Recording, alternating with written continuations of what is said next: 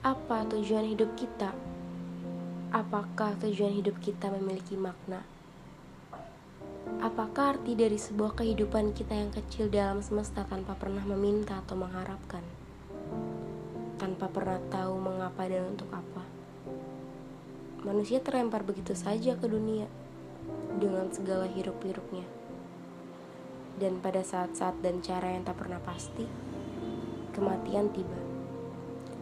Layakkah hidup yang datang dan pergi secara sewenang-wenang ini layak untuk dijalani?